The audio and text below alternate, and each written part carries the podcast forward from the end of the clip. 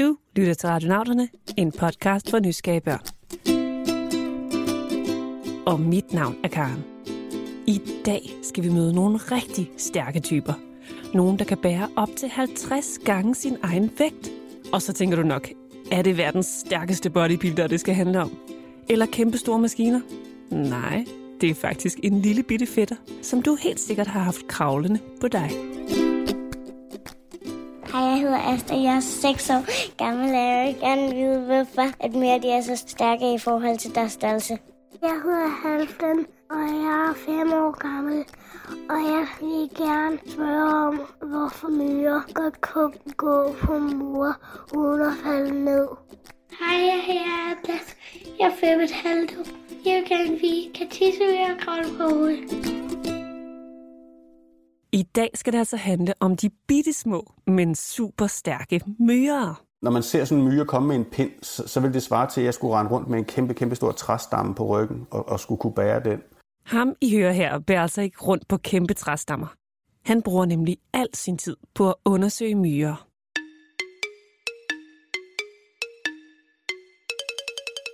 Jeg hedder Joachim Offenberg, og, og jeg er klog på myrer, fordi at jeg er biolog. Jeg har brugt mere end 20 år på at undersøge myrernes liv. Dengang jeg startede på universitetet, kan jeg huske, der var jeg vild med, med de kæmpe store dyr. Jeg var faktisk helt vild med valer.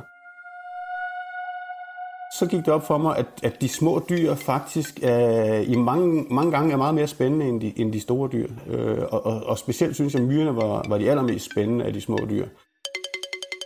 Joachim har altså fulgt myrerne i over 20 år, og han finder dem der, hvor du også kan finde dem.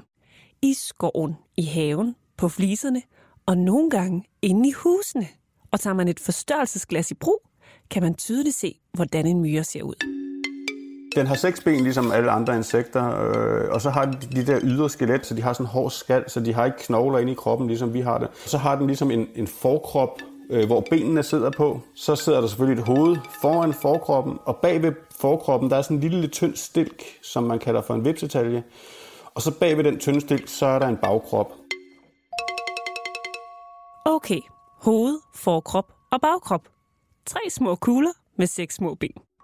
De kan virke meget ens, men der findes faktisk mange forskellige arter myrer. Bare i Danmark har vi 50 forskellige. De ligner altså rigtig meget hinanden. Øh, der, vi har nogle, der er sorte, og nogle, der er gule, og så nogle, der er både sorte og gule. Men når man kigger på dem i, i, i, under et mikroskop, øh, så kan man for eksempel se, at de har hår på ryggen. Og så den ene, har, den ene art har måske 21 hår på ryggen, og den anden har kun 20. Øh, så det er ganske, ganske små forskelle, der gør, om det er den ene art eller den anden. Herhjemme ligner arterne altså meget hinanden, men ude i verden er de mere forskellige. For eksempel er der nogen, der er knaldrøde eller orange. Der er nogen, der væver silke. Og så findes der også myrer, der er lige så store som din pegefinger. Men der er én ting, alle myrer i verden har til fælles, som er ret speciel. Og så er de jo også defineret ved, at de har en dronning. Så, så der er en myre, som er større end de andre som regel, som er den eneste, der kan få børn. Ligesom bierne har myrerne altså en dronning, der er mor til alle myrerne i myretun. Men myrer har jo ikke nogen vinger, ligesom bier har. Men faktisk kan nogle af myrerne skabe vinger helt selv. Så lige pludselig så kommer der myrer op med vinger på. Øh, Og hvis man kigger på dem, så kan man se, at der er nogle, der er store, og nogle, der er små. De små af flyvemyrerne, det er hannerne. Og så parer de sig med, med de store af flyvemyrerne, som er nye dronninger. Myrerne er altså så seje, at de kan udvikle vinger, så de kan flyve, når de har brug for det. Og så kan de finde en kæreste og lave myreunger med.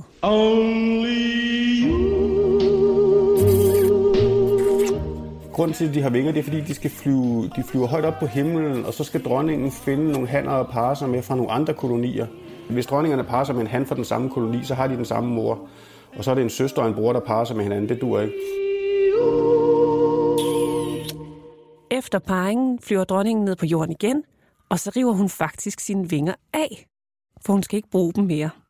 Så graver hun et hul i jorden og begynder at starte sin nye, store familie. Og så, så vokser det gradvist. og bliver til flere og flere og flere, så i løbet af sådan 15 års tid, så, så kan de nå at komme op på de der 15-20 millioner myrer. Så de er alle sammen i meget, meget tæt familie med hinanden. Det er en mor øh, og alle hendes børn. En familie, der kan tælle helt op til 15 millioner. Så de må godt nok have brug for mange rum. Så deres myrebo, det består af sådan nogle små kamre, øh, måske på størrelse med øh, en valnød måske. Øh, så hvert kammer har sin funktion, ligesom man derhjemme kan have et soveværelse og en spisestue og et badeværelse osv. Tænk, at alle de rum er nede under jorden. Jeg ved ikke med dig, men jeg vil altså rigtig gerne se, hvordan myrerne bor. Og jeg har en idé til, hvordan.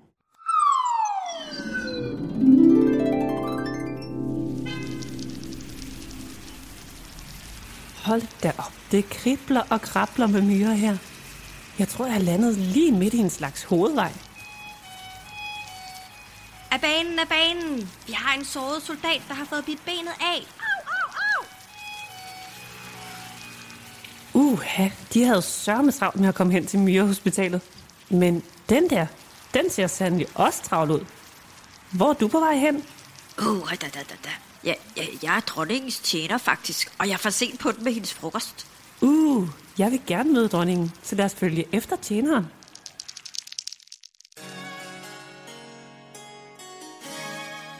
Så er der serveret deres majestæt en stor skål honningduk. Det var på tide. Mit blodsukker er meget lavt, skal jeg sige jer. Um, det var straks bedre. Honningduk er noget sukkerstof, som bladlus laver, og myrerne malker så bladlus for at spise honningdukken, ligesom vi mennesker malker køer for at drikke mælken. Hov, der var vist et lille æg, der skulle ud. Jeg skal straks sørge for at få det i ægkammeret, deres majestæt. Ægkammeret. Der er altså også et sted hernede, hvor dronningens æg bliver beskyttet. Spændende. Her er godt nok meget stille. Men det lyder som om, der sker mere herhen i det næste kammer. Goddag og velkommen til børnehaven Myrelaverne.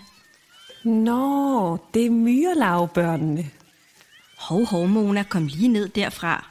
Mona er ikke til at holde tilbage. Hun er en lille madhenter, så hun ved, at hun skal være som stor. Så, så, Esther, nu skal du være sød ved de andre larver. Ikke bide så hårdt. Det er Esther. Hun er en lille soldatermyre. De bider utrolig hårdt. Uha, jeg skal ikke nyde noget af at blive bidt. Lad mig komme ud af den her store, skøre familie.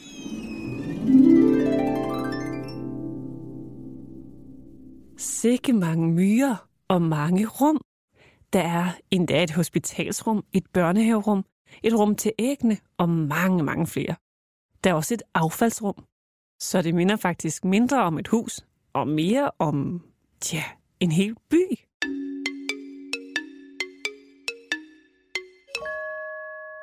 De lever jo i sådan nogle byer, ligesom vi gør. Altså, så mange myrer, de lever sammen i det samme samfund, eller en by, kunne man kalde det. Og er enormt gode til at samarbejde. De, de hjælper hinanden på alle, mulige, øh, på alle mulige måder. De her myrebyer, eller kolonier, som man kalder dem, kender du måske også som myreture. Og det er fordi, at nogle myrer bygger en tue oven på deres jordhule. De bor altså ikke i den tue, men de bruger den til at varme deres jordhule op. Det er der smart fundet på. Hvis man kigger på dem enkeltvis, så, så er de faktisk ret dumme. Der er nogen, der siger, jeg har aldrig selv tjekket det, men jeg har læst et eller andet sted, at, at, at de har faktisk så små hjerner, at de kan leve flere dage uden deres hoved. Men det sjove ved det, det er, at, at når de er mange myrer, der samarbejder, så opstår der faktisk noget, der er klogt. Man kalder det faktisk for, øhm, for kollektiv intelligens. Og det er noget, der opstår, når der er mange små dyr, der lever efter de samme regler. er det ikke lidt skørt? En myre er dum, men mange myrer er kloge sammen. Også selvom de ikke engang kan snakke sammen. I hvert fald ikke sådan, som vi gør det. De har jo ikke et sprog, ligesom vi har. De kan ikke sige lyde. Men så bruger de kemiske stoffer, altså duftstoffer i stedet for. Myrerne taler altså sammen gennem dufte, og derfor er de vildt gode til at lugte. De har ikke en næse ligesom os, men de har nogle antenner, som de renser, ligesom vi pusser næse. Men lagde du egentlig mærke til, at vi ikke mødte nogen handmyrer, da vi var på besøg i myreboet? det er der en god grund til. Efter parringen, så dør handen jo, så det meste af året er der faktisk slet ikke hanner i sådan et myresamfund. Øh, alle de der myrer, vi ser, der spænder rundt ude på fliserne øh, hjemme på terrassen, det er hundmyrer alle sammen, men de kan ikke selv få børn. Det er kun dronningen, der kan det. Handmyrerne lever altså kun få måneder om året i paringstiden. Resten af de mange tusind myrer i kolonien er hunder. Det betyder altså, at det også er hundmyrerne, som er tjenere, ambulancefører og soldater.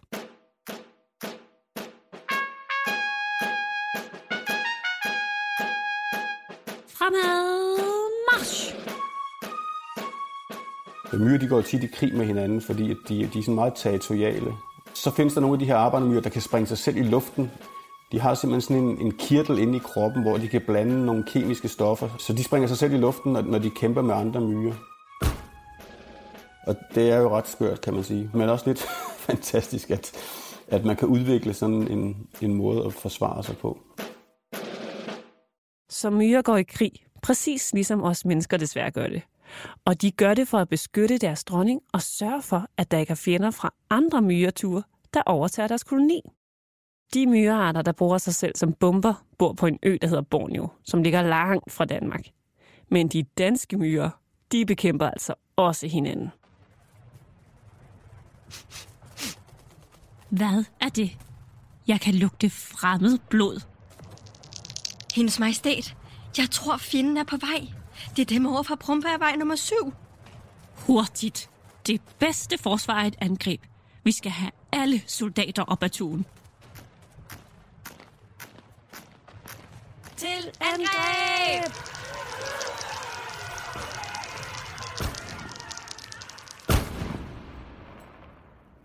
Hvis man for eksempel er ude i skoven og finder en skovmyretue, de der store ture, der er bygget af, af nåle ude i skoven, de der skovmyrer, de er enormt gode til at bruge myresyre. Og man kan simpelthen, hvis man generer dem, så kan man se, hvordan de begynder at skyde myresyre alle sammen. Og så kan de simpelthen sigte, fordi de kan bøje kroppen øh, ind under sig. Og de kan lave sådan nogle lange stråler, sådan, der, som måske skyder sådan 20, 30, 40 cm. Øhm, og det er, jo, det, er jo, det er jo giftstof, det der myresyre, som de forsvarer sig med. Og det der myresyre, det kan de altså også ramme dig med, og så sviger det. Myrer har altså forskellige slags våben. Og vil du høre noget lidt sjovt? De sidder altså alle sammen i bagkroppen, eller numsen, om man vil. De andre myrer, dem kalder man for stikmyrer, fordi de stikker ligesom bier og vipse. Og så har de sådan en brød, de kan stikke med, altså sådan en stiknumse, som de kan stikke hul i huden. Au! Og så sprøjter de øh, noget, noget andet gift ind, som ikke er myresyre. Myresyren, det gør ondt, men, men kun lige et kort øjeblik. Øh, De der stikmyrer, de kan gøre ondt i, i lang tid, fordi det er en, en mere kraftig gift, de bruger. Så man skal altså passe på myrenumserne derude. Men ikke nok med, at de alle har de her våben indbygget i deres krop, så er myrerne jo også ekstremt stærke. Og det var jo det, Asta spurgte til. Forhold til os er den jo ikke særlig stærk, men i forhold til sin egen størrelse er den, er den jo super stærk. Altså, man, man kender myrer, der kan bære 50 gange deres egen vægt. Og det er lidt svært at forklare, men, men det er fordi, at når et dyr bliver større og større, så vokser musklerne langsommere end vægten på kroppen. Så det vil sige, når man er lille, så har man relativt stor styrke, fordi musklerne fylder meget i forhold til, hvor meget man vejer. Men når man så bliver større, så vokser vægten af kroppen hurtigere end, end den styrke, der er i musklerne. Og det vil sige, at faktisk alle dem, der er små, de er stærkere i forhold til deres egen vægt, end dem, der er store. Og det betyder sådan set også, at børn er stærkere end voksne, kan man sige, fordi, fordi deres muskler fylder mere i kroppen, end de gør hos de voksne. Hvor sejt er det ikke lige, at børn på en måde er stærkere end voksne? Og ligesom børn bliver myrerne endnu stærkere og kan løfte super meget, når de arbejder sammen. Det har Joachim selv oplevet i et land, der hedder Thailand, hvor han var nede for at undersøge en særlig myreart, der bor i træer. Nogle gange så samarbejder de også om at bruge deres superkræfter. Jeg gav dem en, en stor fisk, altså en fisk, der måske var ja, 3-4 gange størrelsen på min egen hånd. Og den kan en myre jo altså ikke bære, selvom de er stærke. Men, men så samarbejdede de bare hundredvis af myrer, og i løbet af et par dage, så fik de faktisk slæbt den der fisk hele vejen op i toppen af det der træ. Det er da for vildt. Men nu er det blevet tid til en udfordring. Prøv at høre godt efter. Kan du gætte, hvad det her er? Det er lidt svært, men det er faktisk nogle myrer. Men kan du gætte, hvad det er, de laver? Vi afslører svaret sidst i programmet. At have superkræfter handler faktisk ikke kun om at have seje våben og bekæmpe sin fjende. Myrerne kan også andre smarte ting med deres krop. For eksempel gå på hovedet eller kravle på en væg. Har du også undret dig over, hvordan de kan det? Ja, det kan man også godt undre sig over. Selv på en glasplade kan de gå. Øhm, og det er faktisk et af vores store problemer, når vi arbejder med myrer, fordi de slipper altid ud, øh, lige meget hvordan vi prøver at lukke dem inde. En af forklaringerne det er jo, at, at når vi kigger på, på en væg for eksempel, så ser det ud som om den er helt glat. Men, men, men der er jo, hvis man kigger meget, meget, meget tæt på med et mikroskop eller en lup, så vil man kunne se, at der er en masse små sprækker og huller i den der væg, som ellers ser ud som om den er glat. Og det betyder, at, at myrerne de har jo også ude på enden af deres fødder, der har de sådan en lille klo. Og de små sprækker passer altså lige præcis til sådan en lille klo, som myrerne har på sine fødder. Udover kloen har myrerne også en slags væske i fødderne, der kan klistre sig fast på vægge og lofter. Ja, selv glasvinduer. Og fordi myrer samtidig er så små, så kan de simpelthen kravle ind overalt. Også gennem sprækker og lukkede døre. Og så kan de komme på besøg hjemme hos dig. Og når de gør det, så kan du jo prøve at lege forsker og få myrerne til at samarbejde. Hvis man giver myrerne et eller andet, de rigtig godt kan lide, altså en, en stor dråbe sukkervand, der er så stor, så den enkelte myre ikke kan drikke den, så vil man se, at den første myre, der finder det sukkervand, når den går hjem, så kan man faktisk se, at den går på en bestemt måde. Så kan man se den sådan med, med jævne mellemrum, lige duber enden af øh, numsen ned på jorden. Sådan. Hver gang den gør det, så er det, den trækker det der duftspor, og så kan man se, når den kommer hjem, så begynder alle de andre myrer at følge det der duftspor. Så kan man sige, så kommer der flere og flere myrer hen til det der sukker. Sukker, sukker, sukker. Jeg kan også godt lide sukker. Men udover sukker spiser nogle myrer faktisk også andre insekter. Ligesom vi jo også nogle gange spiser dyr, for eksempel kylling. Men øh, hvad vil du sige til at smage myrer? De spiser dem ligesom vi spiser kød. Altså, de, de, de kan komme dem i supper, eller de kan komme dem i salater, eller de kan også komme dem i sådan en kariret. Øh, så, så de spiser dem på alle mulige måder. Og man kan også få dem på restauranterne nede i Thailand. Så, så, så er der sådan en tallerken med levende myrer, man kan sidde og snakke af. Mm. I Thailand for eksempel spiser de rigtig tit myrer. Og der har Joachim spist myrer mange gange. Men det er ikke eneste gang, han har smagt dem. Velbekomme den her. En skål med myrer. Restaurant Noma, den der meget kendte restaurant, vi har i Danmark, de begyndte jo også at servere danske myrer på et tidspunkt. Og det er en, det er en myre, der hedder orangemyren. Den er helt sort. Øhm, men den hedder en orangemyre, fordi den smager af appelsin. Og den, den spiser man faktisk også levende. Jeg kan huske på restaurant Noma, de smed den ned i sådan noget creme fraise, så, den, så, de, så de ligesom ikke kunne kravle så hurtigt rundt. de, de smager fantastisk. Fantastisk lige frem. Hmm, ja, det kunne jo være, at man skulle smage en myre en dag. Men apropos mad, så er det altså blevet tid til, at vi skal afsløre, hvad det var for en lyd i udfordringen. Det er faktisk lyden af en myre, der spiser sukker. Myre elsker jo nemlig sukker og honningduk, præcis ligesom du sikkert elsker slik. Nu er der kun tilbage, at vi skal sige tak til Asta, Halfdan og Atlas for de spændende spørgsmål. Og også et kæmpestort tak til biolog Joachim Offenberg fra Aarhus Universitet. Husk, at I altid kan finde os på vores hjemmeside, retnavdon.dk, på Facebook og Instagram. Tak, fordi I lyttede med.